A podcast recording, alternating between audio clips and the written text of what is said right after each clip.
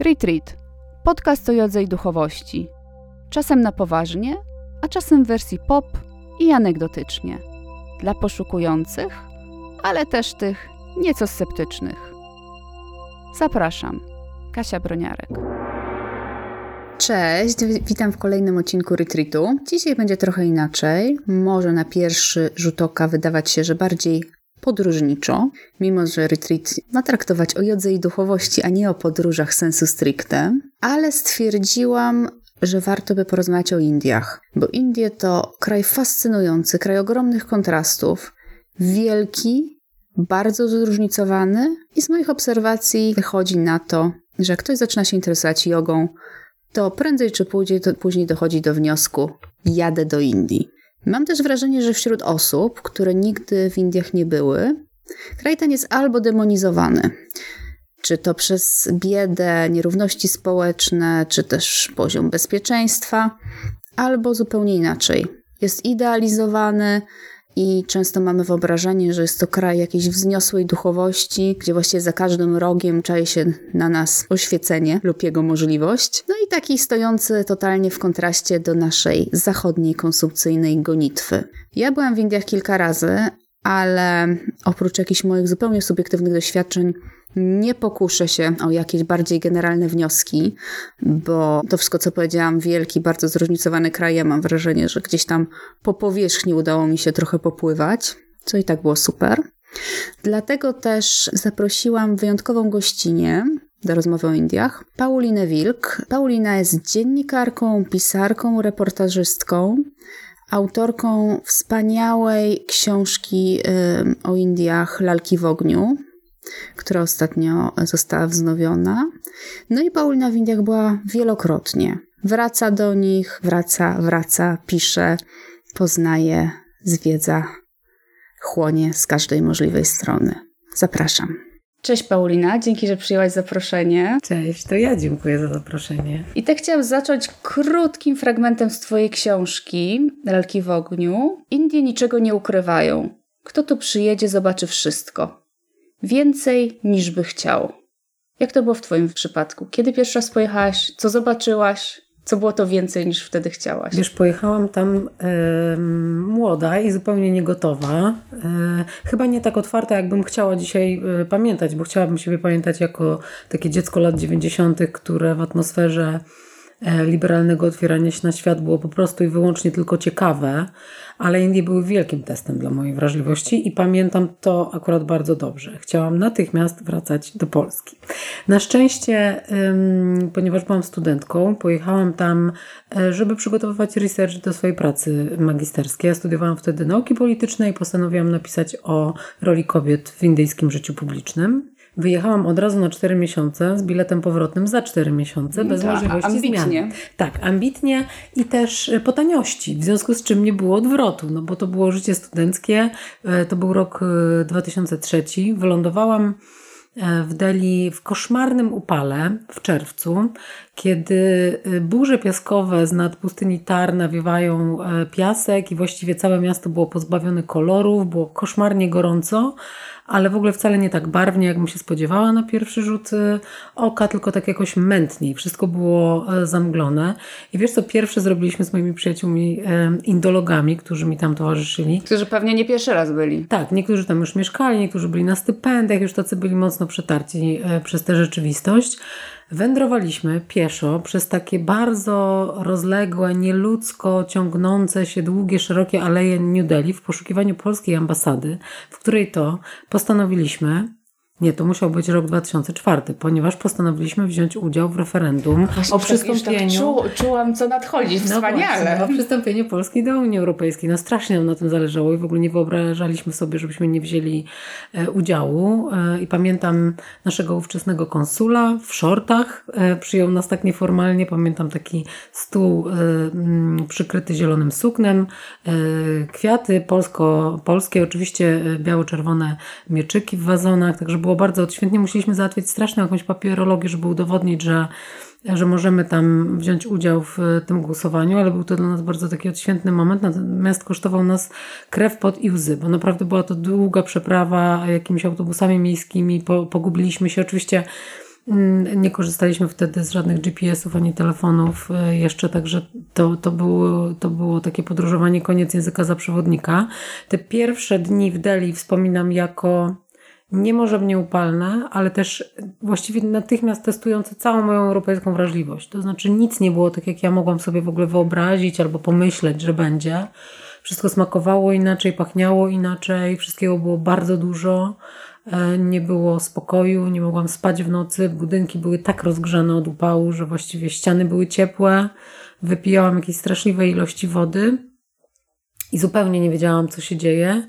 Gdyby nie indolodzy, którzy byli takimi moimi tłumaczami tej rzeczywistości, to właściwie trudno mi sobie wyobrazić, jak bym sobie poradziła, bo pamiętam, e, chyba najbardziej pamiętam ogromne przytłoczenie i chęć ucieczki. E, które na szczęście minęły po jakimś czasie. Ktoś mądry powiedział już nie, już nie, nie w żadnym sektorze, po podróży do Indii albo człowiek się zakochuje, albo mówi, że już nigdy nie wróci.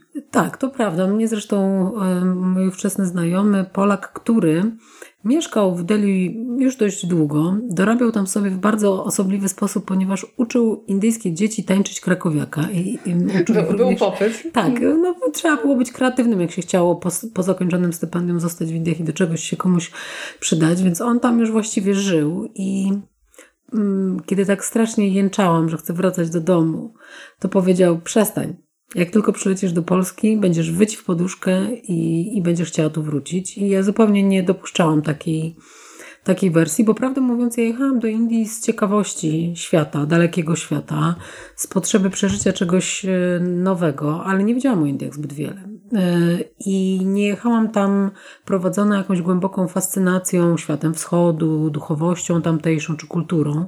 Myślę, że pojechałam z przyczyn trochę pragmatycznych, a trochę z chęci e, przygody, takiej reporterskiej przygody, bo już mnie wtedy bardziej ciągnęło do dziennikarstwa niż do politologii i szukałam czegoś pomiędzy, co mi pozwoli, pozwoli obejrzeć kawałek ciekawego świata i jakoś przy okazji zaliczyć konieczne egzaminy. A książka Lalki w ogniu to efekt ilu lat romansu z Indiami, powrotów, Słuchaj, myślę, że myślę, że to jednak miłość. Teraz to po tak to 20 latach relacji z tym krajem, to, to mogę spokojnie powiedzieć, że to jest miłość, która y, miała czas dojrzewać. I, I cieszę się z tego, jestem wdzięczna trochę losowi, ale też sobie, że mnie nie porwało mm, takie oglądanie świata wszerz. To znaczy latanie to tu, to tam, żeby zobaczyć jak najwięcej, żeby się nachapać, bo można tak podróżować. Ja jako reporter prasowy miałam ku temu wiele okazji, oczywiście wiele innych y, wspaniałych miejsc na świecie miałam szczęście widzieć, y, też z powodów zawodowych, czy, czy po prostu je wybierając sobie na tematy kolejnych książek.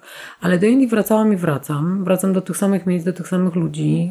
Y, staram się też oglądać nowe miejsca, ale te powroty, e, odwiedzanie dokładnie tych samych adresów i osób na linii czasu przesuwającego się, czy też krążącego, e, zataczającego kręgi według indyjskiej filozofii, mnie dużo bardzo daje. Dla mnie to jest jednak poznawanie świata w głąb. I ja wróciłam do Indii dość szybko po tej pierwszej wizycie. Wracałam regularnie, po dwa razy w roku, przez dwa, trzy razy w roku, przez jakieś osiem lat, zanim w ogóle napisałam pierwsze zdanie książki. Prawdę mówiąc, to było podróżowanie dość niewinne, bo ja jeździłam jako reporterka, ale też po prostu jako osoba, która tam zbudowała relacje z, ze znajomymi, z miejscami. I jeździłam tam dla siebie, dla zgłębiania właśnie więzi z tym e, niesamowitym miejscem, nie wiem, planetą chyba, czy takim uniwersum zupełnie odrębnym niż, niż ten, z którego ja pochodzę. E, I myśl o napisaniu książki pojawiła się późno. Nie powiem, że była przypadkowa, no bo ja się zawodowo zajmowałam pisaniem do, do gazet, ale prawdę powiedziawszy nie miałam jakiegoś twardego planu na pisanie książki o Indiach. To przyszło e, na skutek tych nagromadzonych doświadczeń, ale też na skutek takiej, myślę, mądrej, uważnej, e, życzliwej obserwacji, jaką prowadzili moi koledzy w redakcji Rzeczpospolitej, w której ja wtedy pracowałam. W 2008 roku, kiedy mm, e, w, doszło w Indiach do zamachów e, islamskich terrorystów, między innymi w Bombaju, na, na słynny hotel Taj Mahal, ja napisałam taki tekst o tym kawałku świata, o tym, e, czym te zamachy są dla Indusów, e, skąd się to wszystko wzięło. E, a mogłam opisać tą rzeczywistość, dlatego że ja bardzo często mieszkałam na zapleczu tego hotelu, w takiej podłej noży, w której mnie gryzły pluskwy. Zresztą ostatnio zatrzymałam się również w małym, takim skromnym hoteliku, dosłownie 300 metrów od hotelu Touch. Bardzo lubię tam wracać i naprawdę poczułam na tamtym tekście, że ja znam te wszystkie kąty, że swobodnie się czułam pisząc go i wtedy taki mój mentor zawodowy mm, z Rzeczpospolitej powiedział mi, nie pisz doktoratu, bo takie miałam wtedy plany, napisz książkę. I wtedy mi pierwszy raz przyszło do głowy, że, że mogłabym to zrobić, a później przyszła e, propozycja wydawnicza od wydawnictwa, które akurat szukało młodych reporterów, debiutantów, którzy chcieliby spróbować. I Myśmy nigdy nie sądzili, że e, Lalki w ogniu będą ważną książką w Polsce o Indiach. E, założyliśmy skromny pierwszy nakład ale cieszę się, jak się odwrócę teraz po latach i, i e, pomyślę o tym, że ta książka też bardzo trafiła w swój czas, w taki moment e, zachwytu nad światem e, i takiego haju podróżowania młodych ludzi, którzy jeździli z niewielkimi pieniędzmi z plecakami po świecie. Teraz ich już nie ma. Wiem, bo wróciłam po pandemii do podróżowania po świecie i wiem, że, że ten trend znikł. Znaczy trend wydaje mi się jedno, ale drugie, że już z tak małymi pieniędzmi się trochę nie da. Jednak wszystko to bardzo poszło do góry. To prawda. Chociażby przeloty. To prawda. I myślę, że to jest zabójcze dla, dla takiej um, fantazji e, backpackersów, którą myśmy mogli mieć. Ja myślę, że um, ja po prostu należałam też do takiego pokolenia młodych podróżników z Polski, którzy trochę podróżowali nie tylko w swoim imieniu, ale też w imieniu pokoleń naszych rodziców, którzy tego nie mogli robić, więc myśmy nadrabiali miłość do świata za kilka generacji i, i podróżowaliśmy z jakąś wielką radością, z nienasyceniem. Nie wiem, czy to jest we współczesnym świecie możliwe, bo ja naprawdę jadąc do Indii prawie nic o nich nie wiedziałam. Dzisiaj musiałabym wiedzieć, bo nawet gdybym nie próbowała pozyskać informacji, to one same by do mnie jakoś pewnie dotarły, więc to były podróże stosunkowo niewinne. A powiedz mi, jak na przestrzeni tych lat, czyli od 2004 roku mm, do teraz Indie się zmieniły? Bo jest to kraj dynamicznie się rozwijający gospodarczo, ogromna potęga, z drugiej strony niesamowite rozwarstwienie, no w ogóle kraj kontrastów niebywałych, ale co Ciebie tak najbardziej uderza? Wiesz, to jest chyba największe pytanie, jak, z jakim ja chodzę e, w głowie po, po Indiach, kiedy tam jestem, dlatego że mm, zmienia się powierzchowność, to niewątpliwie. Myślę, że też dzisiaj, gdybym dzisiaj po raz pierwszy pojechała do Indii, nie mogłabym napisać książki tak barwnej jak Lalki w ogniu, bo ona opowiada o tym życiu, które leży na ulicy, właśnie które się nie odsłania, które wchodzi w oczy, który bezlitośnie konfrontuje z biedą, z mm, różnicami, z wielością mm, form życia i stylów życia, z taką jednoczesnością e, istnienia rzeczy, które dla Europejczyka wydają się skrajne i sprzeczne, dla Indusa są e, skrajne, ale nie sprzeczne. Ta koegzystencja, myślę, dzisiaj jest coraz mniej widoczna, dlatego że tak jak zanika w świecie naturalnym, przyrodniczym bioróżnorodność, tak trochę zanikają te takie bardzo widoczne różnice. Mam na myśli styl ubierania się, styl spędzania czasu. Bardzo wyraźnie Indie y, zmierzają do mm, zachodniego modelu życia, do, do modelu globalnej klasy średniej. I ja y, Będąc w Indiach y, w ostatnich 12 miesiącach dwukrotnie, zauważyłam, że styl życia bardzo typowy do klasy średniej, czyli bardzo też dobrze znany Polakom, przez nas przyswojony, ze wszelkimi cechami takiej um, uniwersalizacji pewnych zachowań, strojów, um, tego jak spędzamy czas, tego co jemy, tam oczywiście kroczy. To kroczy dumnie. Um, I Moje obserwacje Indii od tych ponad 20 lat y, mm, w jakimś sensie dotyczą tego, co mnie wciąż nie przestaje zdumiewać, czyli jak to jest możliwe, że kapitalizm z takim samym powodzeniem przemielił kulturę polską jak kultury indyjskie. Przecież to są tak różne światy. Ja mm, tą ogromną rozpiętość, odmienność indyjskich stylów życia mm, znam, dotykałam jej z bliska.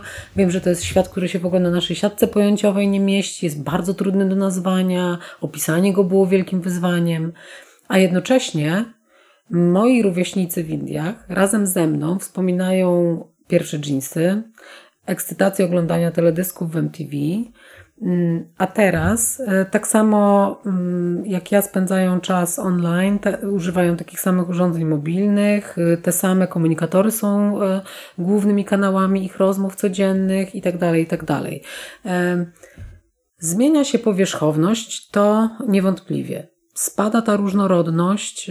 Jeśli ktoś szuka egzotyki, to być może zobaczy jej mniej albo będzie musiał głębiej zejść z takich głównych uliczek do jakichś zaułków rzeczywistości, żeby, żeby móc ją podziwiać. Niewiele jest takich miast jak Kalkuta, w której choć jest to najmłodsze z największych indyjskich miast, to w niej najlepiej się zachowały stare modele istnienia. Czyli jeżeli ci się zepsuje maszyna do pisania, to możesz ją tam przywieźć i ktoś ją na pewno naprawia, może ją w ogóle przerobi na suszarkę przy odrobinie inwencji, albo są, są, jest to miejsce, w którym wciąż wyprawia się skóry ręcznie, bardzo wiele zawodów rzemieślniczych istnieje i można po prostu na nie popatrzeć, bo te stragany i zakłady są otwarte i, i ta radość darmowego patrzenia y, jest jakimś największym błogosławieństwem i szczęściem, kiedy się tam jedzie. No ale jeśli się pojedzie do Bangalore, to nic takiego nie istnieje, bo to jest po prostu tak, stolica high-techu. Tak, tak, więc tam mało kto chodzi po chodnikach, nie mówiąc o tym, żeby się tam jakieś życie szczególne toczyło, czy żeby jakakolwiek przeszłość miała tam rację bytu. Ale chyba w ogóle południe Indii bardzo się od północy różnią. To przynajmniej, no ja podczas moich trzech wizyt to ledwo mam poczucie, liznęłam tego kraju, ale to jest takie chyba bardzo, bardzo widoczny, że to jest właściwie zupełnie inny świat. Myślę, że są to różne światy, w dużej mierze dlatego, że wyrosły z dwóch różnych pni kulturowych, y, aryjskiej i drawidyjskiej, że mm, mają inne kuchnie, trochę inne wierzenia, inne stroje. Zresztą akurat na południu troszkę łatwiej o tradycyjne y, stroje, czy, czy takie bardziej konserwatywne domy, ale konserwatywne nie w rozumieniu sposobów myślenia czy jakichś ograniczeń, tylko konserwatywne w rozumieniu trzymania się tradycji i pewnej konsekwencji um, przestrzegania przepisów diety, stroju, właśnie takich zachowań czy, czy rytuałów modlitewnych. To myślę, że y, oni się tak nie dali zwariować, ale to oczywiście są z jednej strony czynniki historyczne, bo północ Indii była rządzona przez muzułmanów, była najeżdżana wielokrotnie, ma wiele naleciałości z Azji Centralnej, z Europy. Natomiast południe było dużo dłużej niezależnie rządzone, nie ulegało tym wpływom, zachowało pewną czystość kulturową, jeśli mo można to tak określić, i pewien spokój. Ale są też takie czynniki zupełnie współczesne, to znaczy północ ma wiele przeludnionych miast, y, jest po prostu gęstsza, jest bardziej szalona, chaotyczna. Zanieczyszczona chyba dużo bardziej w związku z tym zanieczyszczona. Natomiast na południu żyje się troszeczkę wolniej, troszeczkę spokojniej, e, choć to właśnie wcale nie oznacza nienowoczesności, no bo jednak e, najważniejsze uczelnie technologiczne, czy centra techniczne e, i technologiczne, czy biotechnologiczne znajdują się na południu. Wracając do Twojego pytania o to, co w Indiach naprawdę się zmienia, to ja mam jednak poczucie, że Indie zmieniają się bardzo intensywnie, ale tak jak żyją we wszystkich kierunkach naraz, tak zmieniają się we wszystkie strony naraz. Y, gdybym chciała znaleźć jakikolwiek jeden czynnik, w którym one postępują naprzód w takim europejskim rozumieniu, to byłoby mi bardzo trudno, wiesz, bo z jednej strony myślę sobie o tym, ok, coraz więcej dziewczyn studiuje, coraz więcej kobiet wyraźnie mówi, czego chce.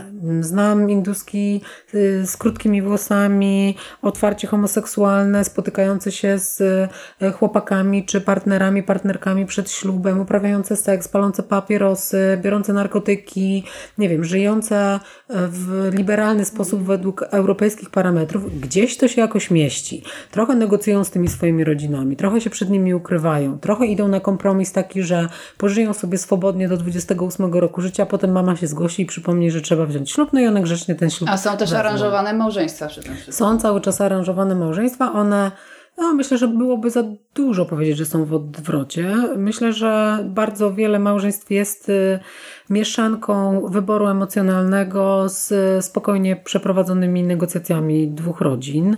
W Indiach wciąż ślub to jest y, taka fuzja y, dwóch grup, dwóch grup rodzinnych.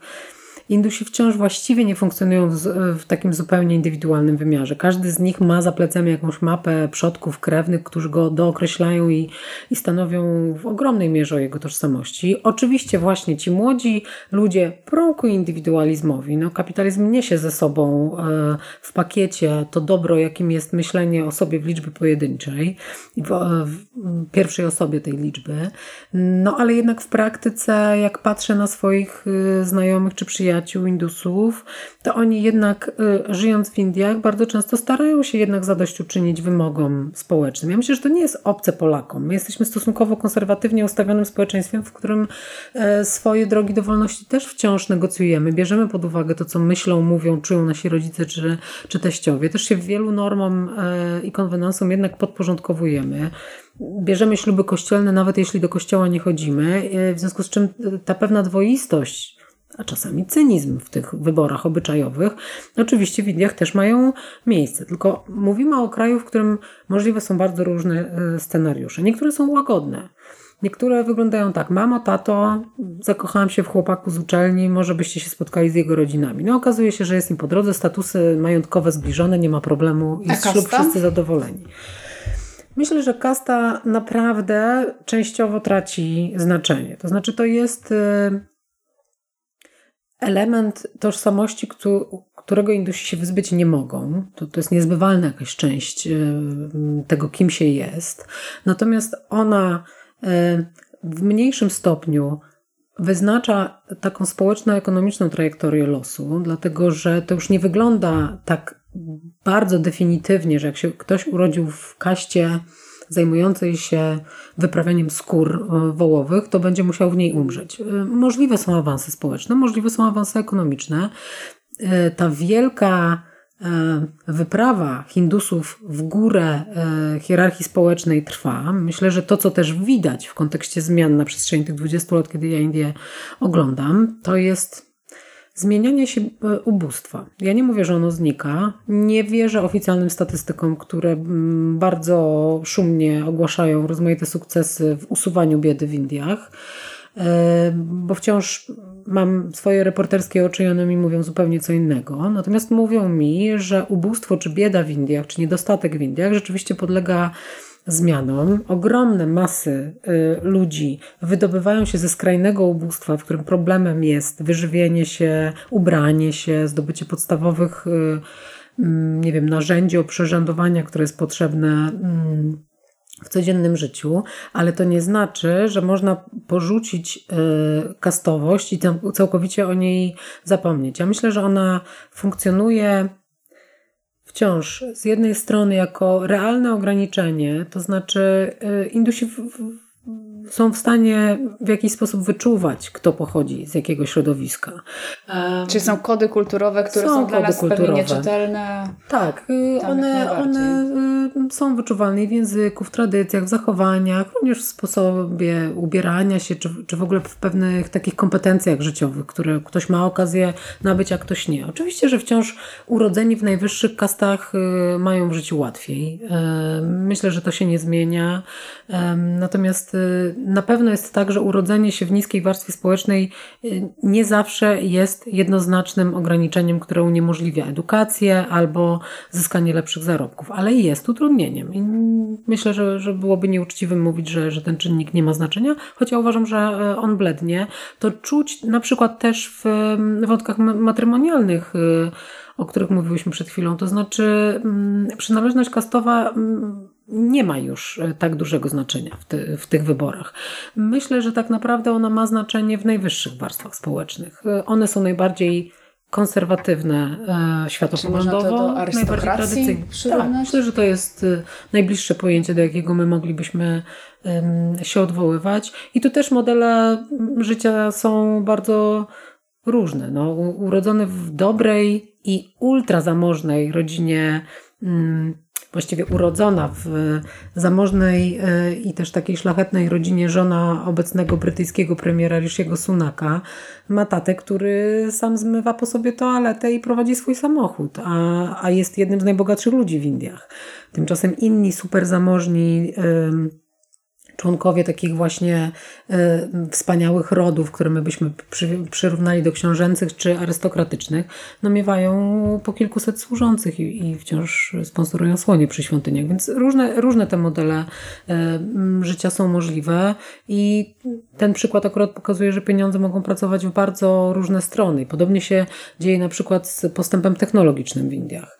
E, nowe metody diagnozowania, na przykład w medycynie, no mogą wielu ludziom ratować życie, ale ułatwiają też y, ustalanie y, płci płodu i ułatwiają zabiegi aborcyjne, Selektywne. selektywne aborcje, w których induski usuwają wiele dziewczęcych istnień wciąż i nauka, która miałaby właściwie być narzędziem wyzwolenia i równouprawnienia y, w powiązaniu z taką bardzo regresywną tradycją i jednak przywiązaniem do tego, żeby mieć przede wszystkim syna, bo on e, niesie ze sobą również wartość ekonomiczną, nie tylko taki rodzaj godności i szacunku społecznego, no powoduje, że, e, że ten, ta nieobecność dziewczynek w populacji indyjskiej jest wciąż olbrzymia.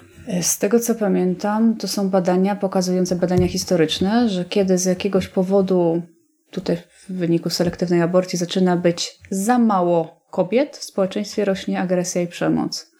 Czy to w Indiach też widać? Tak, widać. Widać w takich regionach, w których jest trudno o żonę. To wtedy kobiety zazwyczaj y, paradoksalnie częściej padają ofiarami przemocy seksualnej. To jest.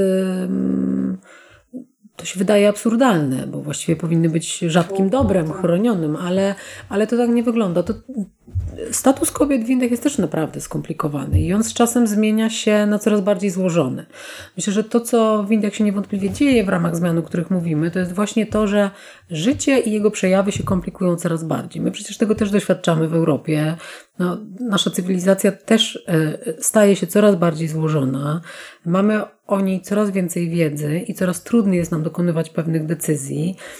I teraz y, takie szybko rosnące komplikowanie się świata w zderzeniu z dosyć tradycyjnym y, sposobem myślenia e, czasami prowadzi po prostu do e, radykalizacji, uwstecznienia postaw.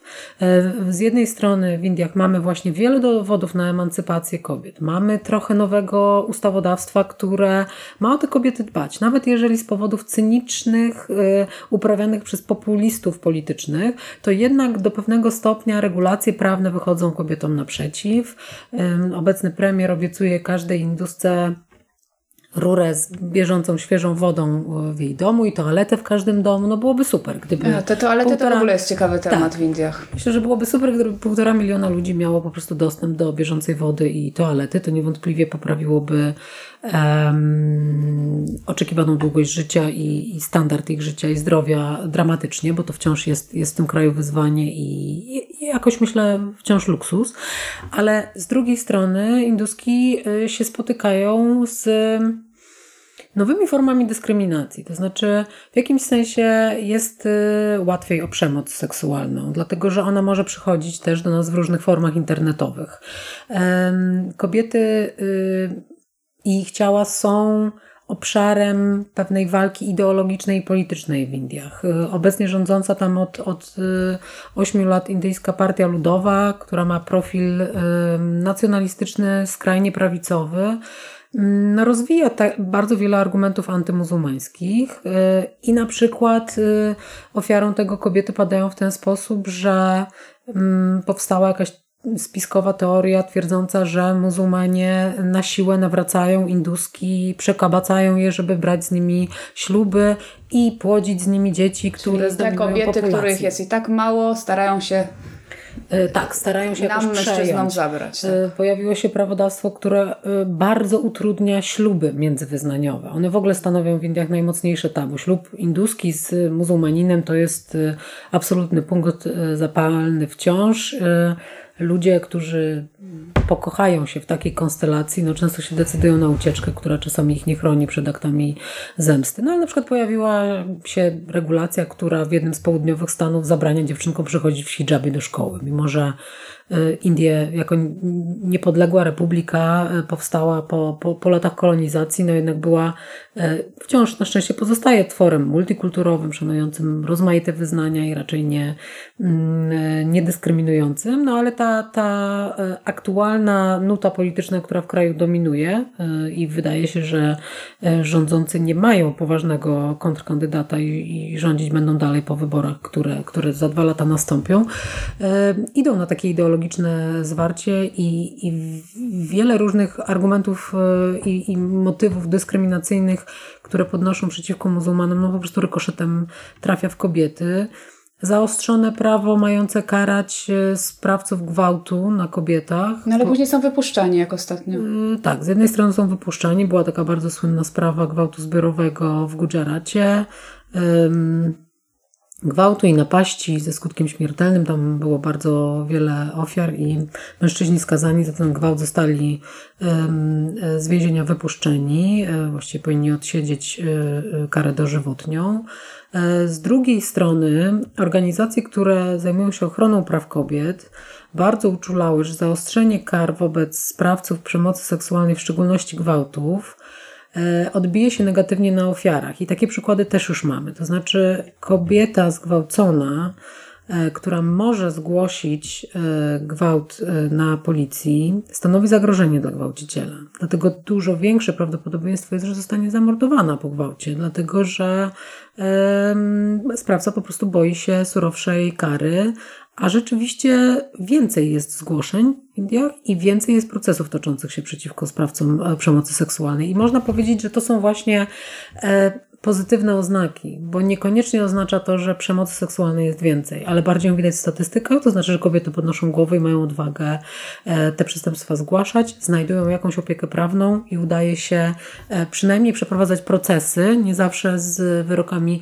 skazującymi. W związku z czym no, nawet gdyby wziąć tę sytuację kobiet, a sytuacja kobiet i dzieci jest zazwyczaj dosyć dobrym miernikiem tego, w jakiej kondycji społecznej w ogóle jest tak, dana według, według różnych wskaźników ONZ-u to, to tak. są takie właśnie najbardziej no to, miarodajne no, kwestie. No to właśnie y, ta rzeczywistość y, w Indiach zmienia się niejednoznacznie. Dzieci częściej dożywają piątego roku życia, kobiety częściej przeżywają porody, częściej rodzą w szpitalach, a nie w domach z pomocą akuszerek. To są wszystko bardzo pozytywne zmiany i ja je mm, z pełną aprobatą doceniam, cieszę się, że są, ale chociażby podczas niedawnej wizyty w Indiach y, Wciąż widziałam kobiety pracujące bardzo ciężko fizycznie. Zapewne za dniówki, których nikt im tak naprawdę nie gwarantuje, bez jakichkolwiek ubezpieczeń. Ich tak naprawdę oficjalnie nie ma w ogóle na, na rynku pracy. Y, w związku z czym, no, mm, w ogóle myślę, rozmawiając o Indiach, trzeba zawsze mieć w głowie to, że jest to rzeczywistość społecznie bardzo złożona, no i olbrzymia. No wiemy, że w tym roku wiosną Indusi będą najliczniejszą populacją świata. Prze, Czyli liczniejszą niż Chiny. Tak, przebiją Chińczyków. I kiedy to się ma wydarzyć? To się ma wydarzyć mniej więcej w kwietniu, ale jak to z Indiami? Czy będą w stanie to policzyć, które to będzie to trzeba dziecko, być ostrożnym z liczbami. Jakieś dziecko na pewno symbolicznie zostanie wybrane, ale tak bym trochę to, to dzieliła przez dwa albo przez półtora miliarda, dlatego że, że w Indiach w ogóle bardzo trudno jest policzyć cokolwiek. To jest, to jest kraj rozpięty między Himalajami a Komorynem i złożony z kilkuset tysięcy wsi, na które biurokracja państwowa w niektórych aspektach dociera w zadziwiająco skuteczny sposób, no ale ta sieć ma, ma, ma dziury, także nie wszystko da się idealnie policzyć. Zresztą kilka lat temu y, Indusi zaliczyli taki przełom, można powiedzieć, biotechnologiczny, bo wprowadzili sobie pierwsze dokumenty identyfikacyjne, kartę ADAR, która gromadzi bardzo dużo danych o każdym człowieku. Nawet to było dosyć kontrowersyjne, że za dużo danych, bo w Indiach ochrona danych osobowych jest w powijakach, można powiedzieć, i, i Raczej rząd sobie pozwala na bardzo dużo, na, na rzeczy, które w Europie zupełnie by nie były akceptowane. No ale szybko się okazało, że to jest taki dokument, który się błyskawicznie dezaktualizuje, że, że się nie sprawdza w wielu sytuacjach, że zawodzi, także trochę się jednak y, Indusi we własnym tłumie gubią. A jak wygląda sytuacja osób LGBT? Bo wiem, że to nie jest jednoznaczne. Znaczy, słuchając Ciebie, bym powiedziała, że na pewno strasznie, fatalnie i nie ma żadnych w ogóle tutaj pozytywnych Wiesz, a tu akurat bym powiedziała, że wydarzeń.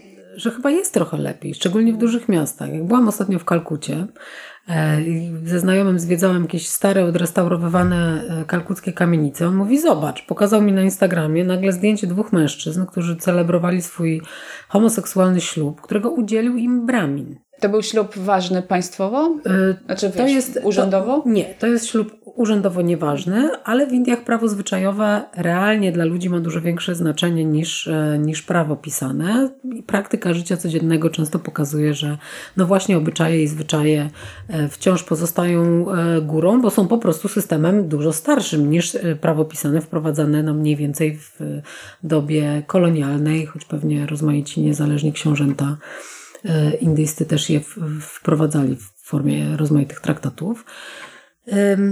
Byliśmy oboje zdziwieni tym, że y, dwóch mężczyzn może w tak bezkompromisowy, mm, fajny, otwarty, spokojny sposób y, podzielić się sesją zdjęciową, taką powiedziałabym bardzo wystawną, stylową, w świetnym guście, naprawdę obydwaj wyglądali jak maharadżowie.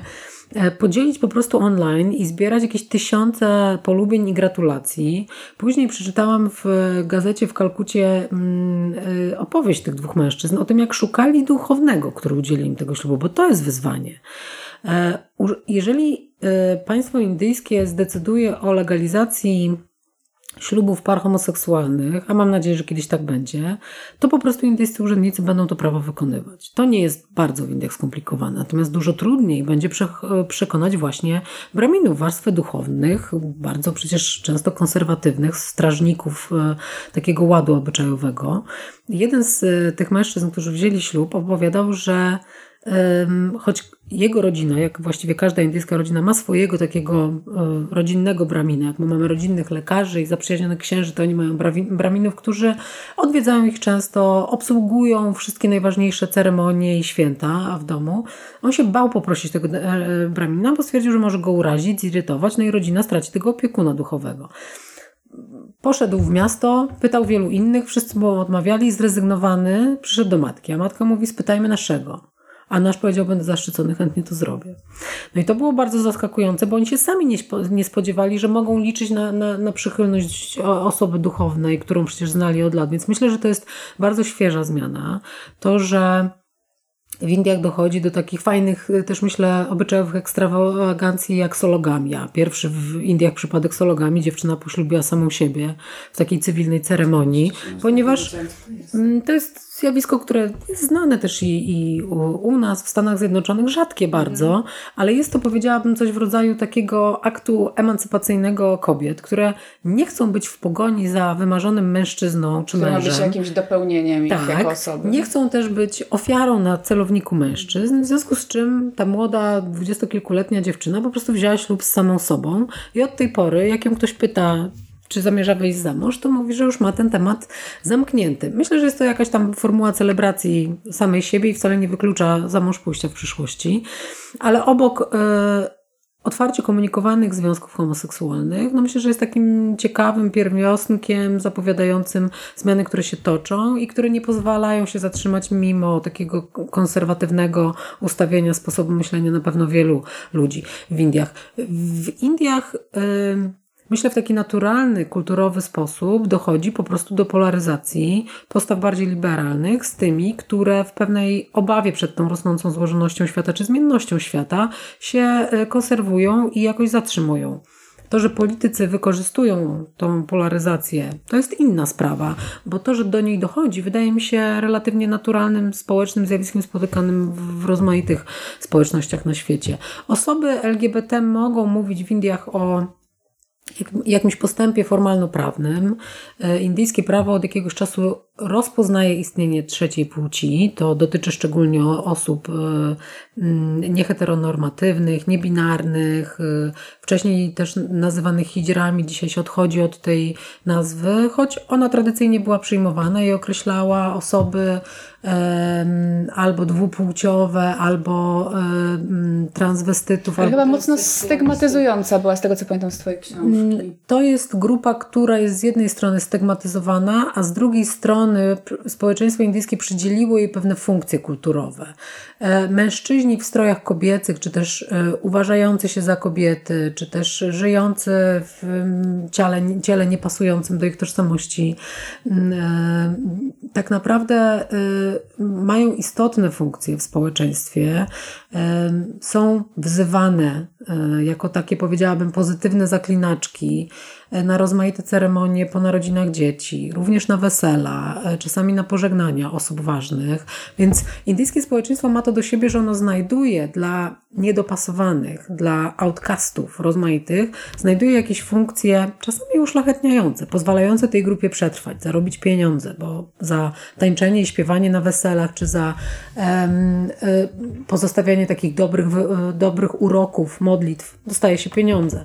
Ale oczywiście bardzo wielu przedstawicieli środowiska hijr, czy tych e, osób e, trzeciej płci e, było zmuszonych do żebrania, do prostytucji, do, do takiego funkcjonowania właściwie poza granicami społeczeństwa. I to są, to jest jednak środowisko queerowskie, które bardzo długo funkcjonowało po prostu na, na marginesie. To się teraz może po prostu trochę pozytywnie zmieniać, chociaż chcę też powiedzieć jedną rzecz. Ja poznałam na przykład prof, profesor y, znakomitego Uniwersytetu w, Kar w Kalkucie, która jest hijrą. Jest absolutnie akceptowana przez y, całe swoje środowisko naukowe i właściwie nie jest nikim dziwnym. Chodzi też o to, że Indie y, są emanacją wszelkiej różnorodności.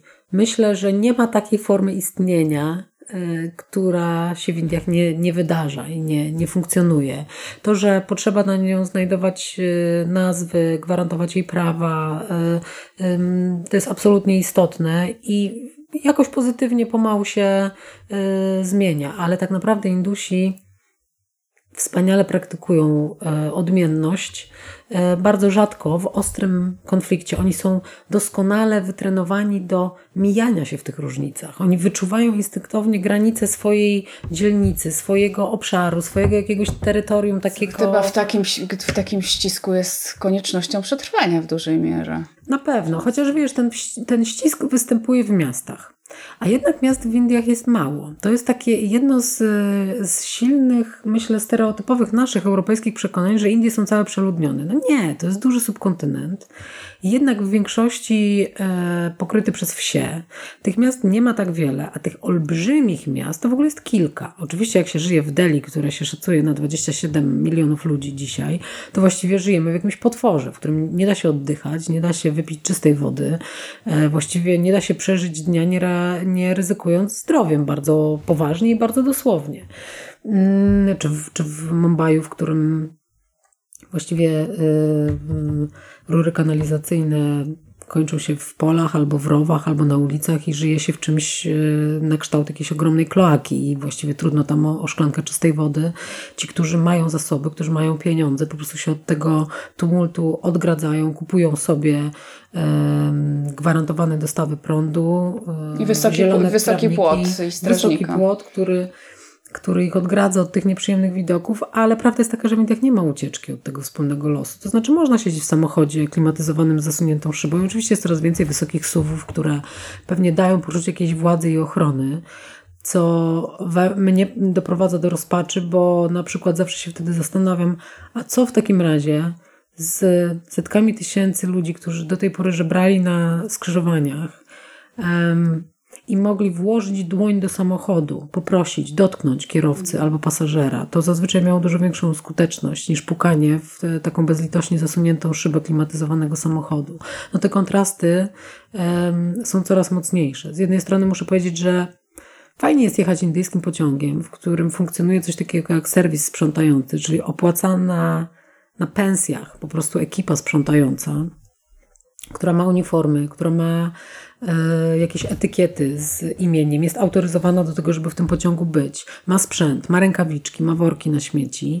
E, świetnie w porównaniu z tym, że jeszcze kilka lat temu sprzątaniem pociągów zajmowali się ludzie kalecy, ludzie z niepełnosprawnościami. Ci z kasty tak zwanych niedotykalnych to były te osoby? Niekoniecznie. To były osoby po prostu dotknięte na przykład polio, jaki, z jakiegokolwiek powodu y, żyjące z niepełnosprawnością fizyczną czy psychiczną, zmuszone do znalezienia, wymyślenia sobie jakiejś pracy, de facto do żebrania w zamian za taką usługę jak zgarnięcie szmatą śmieci z pociągu i wyrzucenie ich y, przez drzwi gdzieś tam na No dzisiaj wkroczyły serwisy sprzątające, które działają o tyle o ile, ale powiedzmy, że w promieniu 200 km od dużego miasta jako tako działają. Tylko zastanawiam się, gdzie są ci, którzy utrzymywali się e, z takich nieformalnych e, usług albo wprost z żebrania, bo indyjskie koleje to właściwie jest największy pracodawca w Indiach. One przewożą wiele milionów ludzi każdego dnia. I Ta sieć tym- kolei to jest taka spuścizna po czasie kole, kolonii. Tak, taka trudna tak. spuścizna, której... I system której, edukacji chyba e, też, prawda? Tak, i system biurokracji. Biurokracji To, to, to, jest, to też jest ta spuścizna.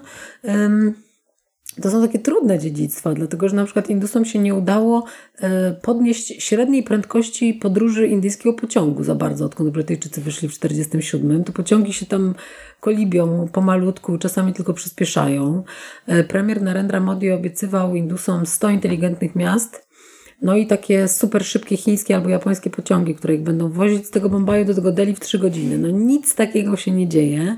Mm, oczywiście te obietnice tak naprawdę kryją w sobie bardzo brutalną rzeczywistość, bo gdyby chcieć zrealizować te korytarze przemysłowe, te korytarze komunikacyjne, o których y, premier mówił, trzeba by było przesiedlać y, miliony ludzi. Trzeba by było wysiedlać rolników, zmieniać ziemię rolną w przemysłową. E, Już nie mówię o tym, że trzeba by skąd wziąć, wziąć pieniądze na te ogromne nakłady. Inwestorzy by się pewnie znaleźli, ale jednak w Indiach jest dosyć duży opór społeczny, bo to by po prostu wymagało koszmarnych ofiar. I o ile w Chinach można takie rzeczy robić dość bezpardonowo, o Tu tyle. jednak mamy demokrację.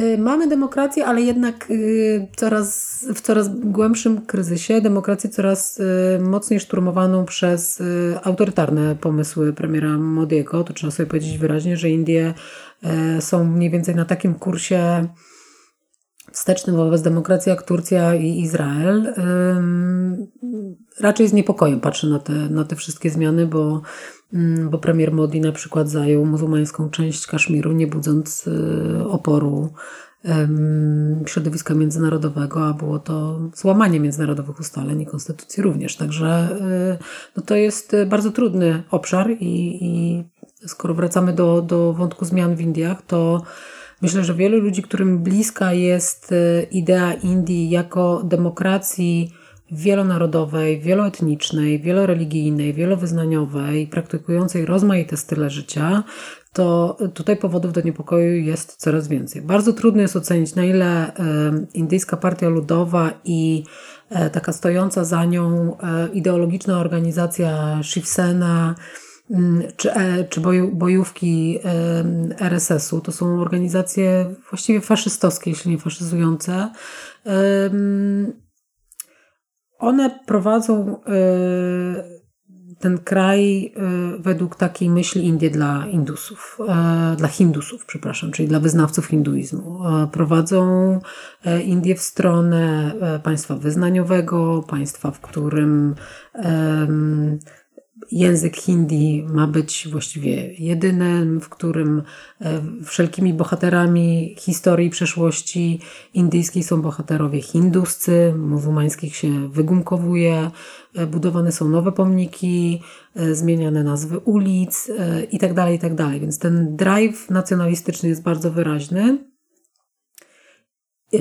Idzie dość szeroką ławą, wchłania i pokonuje rozmaite, mniejsze ugrupowania polityczne i partie, które dobrze radziły sobie w Stanach y, poszczególnych, bo y, Indie są republiką podzieloną na, mm, na kilkadziesiąt stanów i y, ta różnorodność władzy politycznej w różnych częściach Indii także znika, ponieważ ten, ta, ten duży nacjonalistyczny ruch wsysa małych, którzy lgną do tej, do tej silnej, dominującej władzy. Myślę, że, że autorytarne ambicje premiera Modiego są dość jasne, chociaż nigdy przez niego expressis verbis nie, nie formułowane. Także mm, demokracja nad Gangesem ma się na pewno gorzej niż 30 lat temu czy 20 lat temu. Jest obszarem e, poważnych, poważnych trosk. A czy jest, czy dobrze rozumiem, że jest też trochę tak, że w ten taki nacjonalistyczny nurt całkiem nieźle Modiemu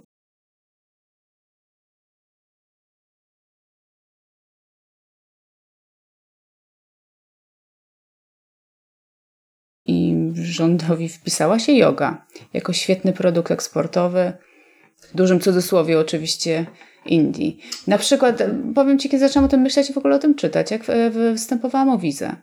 Tam jest bardzo jasno napisane cel wyjazdu, turystyka, rodzina, biznes, wszelkie jogowe retreaty, szkolenia i tak dalej. Przynajmniej wtedy to było wyszczególnione. I tak mi to dało do myślenia, że ewidentnie też na to stawiają. Powiedziałabym, że o ile yoga y, jest chyba takim nie wiem, czy można powiedzieć towarem, pomysłem eksportowym Indii od dość dawna. To jest dość duży wątek. To dotykając tej najnowszej odsłony w wydaniu premiera Modiego czy Indyjskiej Partii Ludowej, to raczej mam poczucie, że to oni sobie wpisali jogę w swoją ideologię nacjonalistyczną. I myślę, że jest to ogromne nadużycie, bardzo krzywdzące i też zbyt jednoznaczne, dokonywane dość nachalnie. Premier Modi ogłosił na przykład Narodowy Dzień Jogi, podczas którego zawsze. Mm, czy to jest, przepraszam, ten dzień, który też świętujemy w Polsce, który jest zresztą bardzo fajny, ale czy. W ogóle jest bardzo fajny. E, w ogóle ale jest to bardzo jest, to fajny. Jest ten pomysł, Myślę, tak? że to jest mhm. ten sam dzień, tak. Jest, jest w kalendarzu indyjskim premier Modi, który praktykuje jogę.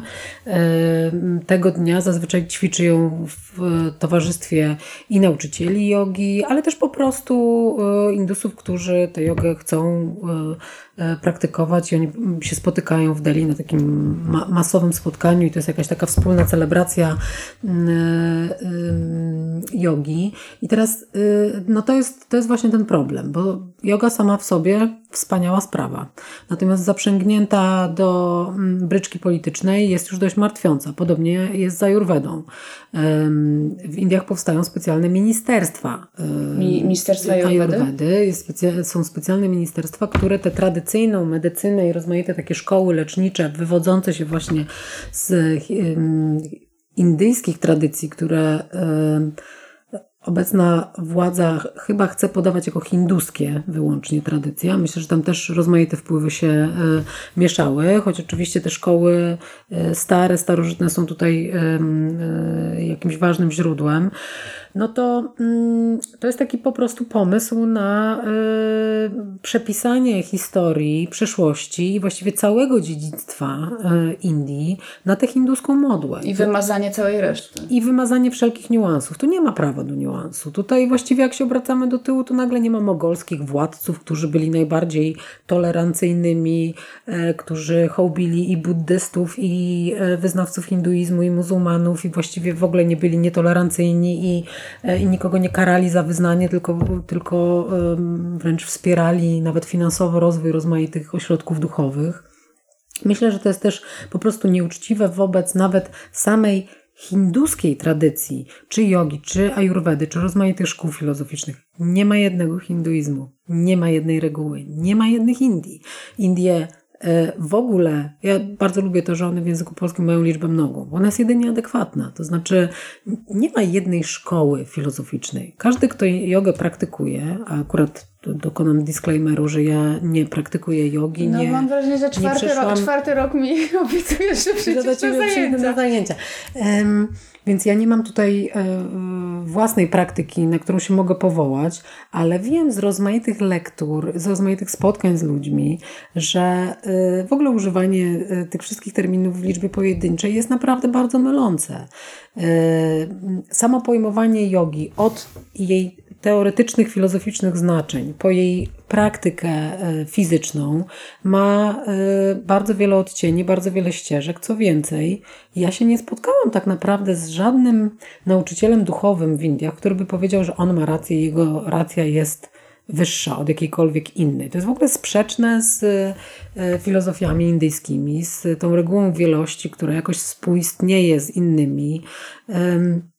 mam wrażenie, że ten ideologiczny skok na hinduizm y, i jego wielkie skarby, do jakich na pewno yoga należy, jest taki jakiś prymitywny, jest strasznie nachalny i właściwie większość Indusów jest w stanie go przejrzeć jako taki dosyć mm, gruboziarniste i prymitywne Czyli to co jest? zabiegi. To jest na zagranicę E, ale to, obliczone. nie, myślę, że to jest obliczone przede wszystkim na elektorat e, lokalny, e, na zagranicę w takim wymiarze budowania imperialnej roli Indii. To na pewno te wszelkie ambicje mm, premier e, Modi przejawia, ale jego zdecydowanie bardziej interesuje mm, wyborca lo, lokalny. On po prostu chce mm, zmienić nazwę Indii na Bharat. On chce, żeby w podręcznikach historii byli tylko mm, dzielni wojownicy y, hinduscy i po prostu, żeby wszelkie y, mm, rozmaite odcienie y, zniknęły. W każdym razie takie ambicje można wyczytać y, z rozmaitych y, działań, nie tylko premiera Modiego, ale też różnych lokalnych liderów poszczególnych stanów. Takim szczególnym przykładem radykała prawicowego jest Yogi Adityanath, który rządził stanem Uttar Pradesh, największym, najludniejszym indyjskim stanem. Mieszka ponad 250 milionów ludzi. No to byłby sam w sobie potężny kraj.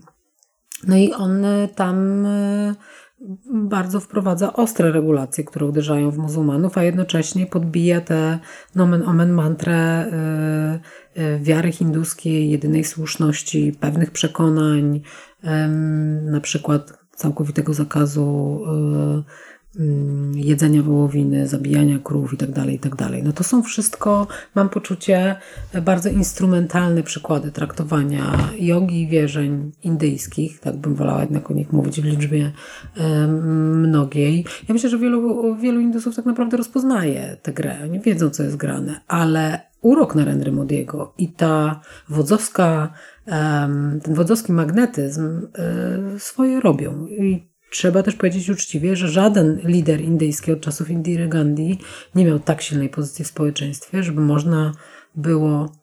Indira mówiła: Indie to ja. Myślę, że Modi też tak myśli. A wiadomo, jak jest, jakie ma poparcie społeczne? Są wiarygodne Dość sondaże? wysokie. Dość wysokie to poparcie jest, je, widać w wyborach. To znaczy wciąż y, zgodnie z, ze wszystkim, co wiemy o, o indyjskiej demokracji, wybory w Indiach pozostają wol, wolne i w miarę przejrzyste. Jest jasne dla obserwatorów tamtego życia y, politycznego czy publicznego, że wiele głosów jest kupowanych. Czasami się y, kupuje głos za kanister y, nafty, czasami za worek ryżu, czasami za jakieś dopłaty albo za ofertę pracy. Dochodzi na pewno do bardzo wielu przykładów korupcji, ale indyjska polityka polega y, na tym, że to jest wciąż zjawisko masowe i kadrowe, czyli trzeba wygrać kadry, które siedzą tam głęboko w indyjskim interiorze. Gdzieś w tych niewielkich wioskach, Czyli ta biurokracja. tak, biurokracja, ale przede wszystkim struktury partyjne. I teraz do pewnego stopnia ludzie głosują z przekonania, bo wierzą, że ten silny lider, który już zdobył poparcie w, i rządzi od, od kilku lat i jakieś zmiany wprowadza, przyniesie im poprawę losu. Jest jakaś autentyczna wiara. Jest też bardzo, bardzo szczere, zadziwiająco wręcz intensywne przywiązanie do demokracji w Indiach. Są wysokie frekwencje y, wyborcze. No ale tutaj właśnie wchodzą te specyficzne uwarunkowania. Z jednej strony jest tak, w małej wsi nie pójść na głosowanie, to trzeba mieć odwagę, dlatego że wszyscy widzą, czy się było, czy nie. Na kogo się głosowało, też lokalny członek komisji widzi. Rozmaite lokalne interesy się w ten sposób załatwia i myślę, że możemy sobie wyobrazić, jak to działa. Jak pomyślimy, jak się głosuje na polskich wsiach, to pewnie nie jest bardzo odmienne. To są małe społeczności, które, które dość dobrze czytają swoje intencje, swoje interesy. Jeśli tam się pojawia e, jakaś struktura partyjna, która jest ściśle sprzężona z lokalną władzą, z lokalnym duchowieństwem, z lokalną policją, z lokalnymi urzędnikami, to na nich nie ma mocnych. Z drugiej strony te lokalne oddziały po prostu chcą się też sprzysiąc z władzą centralną, bo inaczej niczego nie są w stanie w tej centrali, w tym bardzo odległym Delhi załatwić. W związku z czym to jest też pewna pragmatyka tego układu politycznego. Wreszcie dochodzi oczywiście do, łaku, do łapówkarstwa, do, do rozmaitych świadczeń e, lub też takiego festiwalu obietnic, na które część Indusów po prostu wciąż e, się e, pozwala złapać. Natomiast niewątpliwie jest tak, że premier Modi ma posłów w indyjskim społeczeństwie. Znam ludzi, którzy na niego głosują, głosują na niego z przekonaniem. To są również osoby z, e, ze znakomitym wykształceniem, świetną pozycją ekonomiczną, żyjące w dużych miastach, które mówią wyraźnie, że indyjska scena polityczna nie oferuje im żadnego innego lidera, na którego mogliby oddać głos. Sam premier Modi też jest postacią paradoksalną. On przyszedł do władzy w aurze świetnego menedżera, który rządził stanem Gujarat pełnym zagranicznych inwestycji, właściwie takim silnikiem biznesowym, e, jednym z silników e, biznesowych Indii ten stan był. Wszyscy się spodziewali doskonałego menedżera, który po prostu odmieni ekonomicznie ten kraj. Nic podobnego się nie stało. Nastąpił festiwal politycznych obietnic, które się nie spełniły, ale pamiętajmy, że Indie mają tą wielką dywidendę socjologiczną, mają gigantyczną młodą populację. 40% y, Indusów nie skończyła 25 roku życia. To jest gigantyczny atut na rynku pracy, ale jest to też gigantyczna bomba, bo jeśli tych ludzi się nie, da, nie uda wykształcić, nie uda się im dać autentycznych szans. Tak, to stopień frustracji, jaka może narosnąć. Jest ogromny i na razie y, te frustracje y, Indyjska Partia Ludowa posta, stara się rozegrać w sposób właśnie populistyczny, polaryzując Indię e, wobec wewnętrznego wroga, jakim jest mniejszość muzułmańska, licząca jakieś 14, mniej więcej 14-15% społeczeństwa. Więc wytworzony jest ten wróg wewnętrzny. Wokół, na tej linii e, hinduizm versus islam.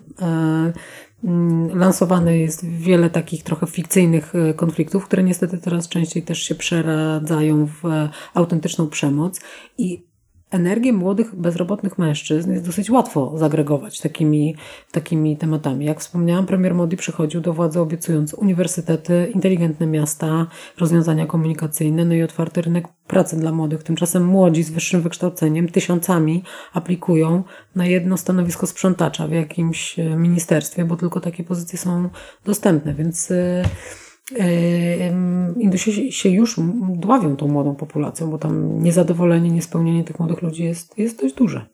A tak na koniec, jakbyś miała poradzić komuś, kto się do tych Indii wybiera, mam nadzieję, że na jakiś jogowy wyjazd, jak się przygotować? Może nawet bardziej psychicznie niż y, co zabrać. E, no i gdzie pojechać? Ja mam jedno miejsce, które mam z tyłu głowy, dla mnie Goa, to jest na pierwszy raz w ogóle mhm. super pomysł, z jakimiś może wycieczkami gdzieś dalej, ale co byś, co byś poradziła, żeby ktoś się właśnie nie zaraził, tylko się w Indiach zakochał, a nie mówił nigdy więcej? No to jest super pytanie i naprawdę odpowiedzieć na nie nie jest wcale prosto. Myślę sobie, że e, choć moje wejście w ten indyjski świat było właściwie zupełnie obok sfery duchowości, e, która jednak wydaje mi się, że mm, najbardziej nas wciąż e, fascynuje, e, mm, to ja bym e, jednak rekomendowała szukanie śladów, szukanie śladów tej duchowości w Indiach, czy też podjęcie próby takiego jej praktykowania. Myślę, że warto pojechać do Indii jednak przygotowanym. To znaczy, dosyć dobrze się rozeznać w tym, E, do jakiego ośrodka pojechać warto. Naprawdę skorzystać z rekomendacji, sprawdzić co się da. Szczęśliwie internet naprawdę daje nam spore e, w tym względzie możliwości, bo ten wybór jest spory. E, wydaje mi się, że w ogóle południe Indii jest dobrym dobrym obszarem na pierwszy raz. I chyba takie spokojniejsze po prostu. Jest, jest jak mówiliśmy, trochę spokojniejsze, trochę y, mniej zaludnione, y, ale też wydaje się, że jest bliżej takich, y, mm, czy ja wiem, na pewno naszych europejskich wyobrażeń o indyjskiej duchowości, bo chciałam chwilę powiedzieć o tym, że chyba nie sposób, chyba nie sposób nie przeżyć jakiegoś wymiaru rozczarowania, kiedy się do Indii pojedzie, dlatego że my mamy bardzo mocno zmitologizowaną e, tę rzeczywistość. Jeśli myślimy, że Indusi są ludźmi bardzo wyraźnie, głęboko zanurzonymi w duchowości, którą rozumiemy jako dość refleksyjny albo medytacyjny sposób funkcjonowania. E, spokojne, e, utrzymywane w dobrym, niespiesznym tempie życie, w którym jest czas na dobre jedzenie, na, na przemyślenia, na czytanie, na, na medytację właśnie, czy na praktykowanie jogi, to myślę, że prawda jest taka, że brzmi to jak absolutny, całkowity luksus dla każdego e, mieszkańca Indii. Indusi się śpieszą, nie najlepiej się odżywiają. Trochę są w pogoni za dobrymi, dobrami materialnymi, bo ten kapitalizm ich no, jednak y, opracowuje, tak samo jak poradził sobie z nami naszą duchowością. Jest jako, jakoś bezlitosną machiną w tym e, względzie, więc... Chyba nie warto jechać do Indii, żeby wypatrywać e, joginów czy mistrzów duchowych na każdym rogu ulicy, bo to będzie trudno. E, Podczas mojej ostatniej wizyty w Indiach, um, spędziłam tam jakieś dwa tygodnie, widziałam jednego medytującego mężczyznę właśnie w Goa na plaży. Takiego po prostu zwykłego pana w średnim wieku, który, kiedy wszyscy inni się opalali, on zjadł sobie lunch i po prostu siedział na plaży, korzystał z y, przestrzeni, z czystego powietrza i oddał się medytacji. I to była bardzo piękna scena, uważam, że bardzo naturalna i uważam za szczęście w ogóle na taką trafić, bo ona się pojawiła w jakimś normalnym dla tego pana środowisku. On nie robił niczego na pokaz. E, Jest pewne niebezpieczeństwo, kiedy się do Indii jedzie, że trafi się na takie właśnie gotowe produkty. Wiemy, że e, rozmaite usługi e, z mm, zakresu duchowości, czy jogi, czy, czy rozmaitych takich praktyk umysłowych, mindfulnessowych, one są często przygotowane dla przybyszów z zagranicy, więc Chociaż większości z nas podróżujących do Indii towarzyszy nieśmiertelny mit odnalezienia Indii prawdziwych, to gwarantuje, że one są trochę świętym gralem i trzeba ich y, poszukać i chyba każdy y, y, odnajduje je na własny sposób i to często jest podróż wewnętrzna, jakkolwiek banalnie nie brzmiałoby to sformułowanie, to jednak trzeba je sobie gdzieś wypatrzeć, wyszukać i, i podreptać za nimi, czy za jakimś mistrzem, którego się tam uda spotkać. Myślę, że południe Indii jest lepszym wyborem Także dlatego, że jest przepiękny, że spokojnie się po nim podróżuje, że, że Goa, Kerala, ale także Tamil Nadu czy Karnataka to są te miejsca, w których z jednej strony łatwiej zobaczyć naturalne, przyrodnicze ym, piękno Indii, mniej zakłócone zdecydowanie przez rozmaite e, przemysłowe ośrodki na przykład, ale to w końcu jest też miejsce, w którym stoją najbardziej okazałe, imponujące e, świątynie.